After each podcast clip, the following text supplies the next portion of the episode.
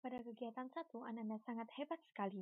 Untuk itu, untuk memperdalam materi mengenai unsur-unsur pembangun puisi, ada kegiatan dua yang harus Ananda kerjakan, yaitu menyimak audio mengenai teks puisi berjudul Doa karya Amil Hamzah.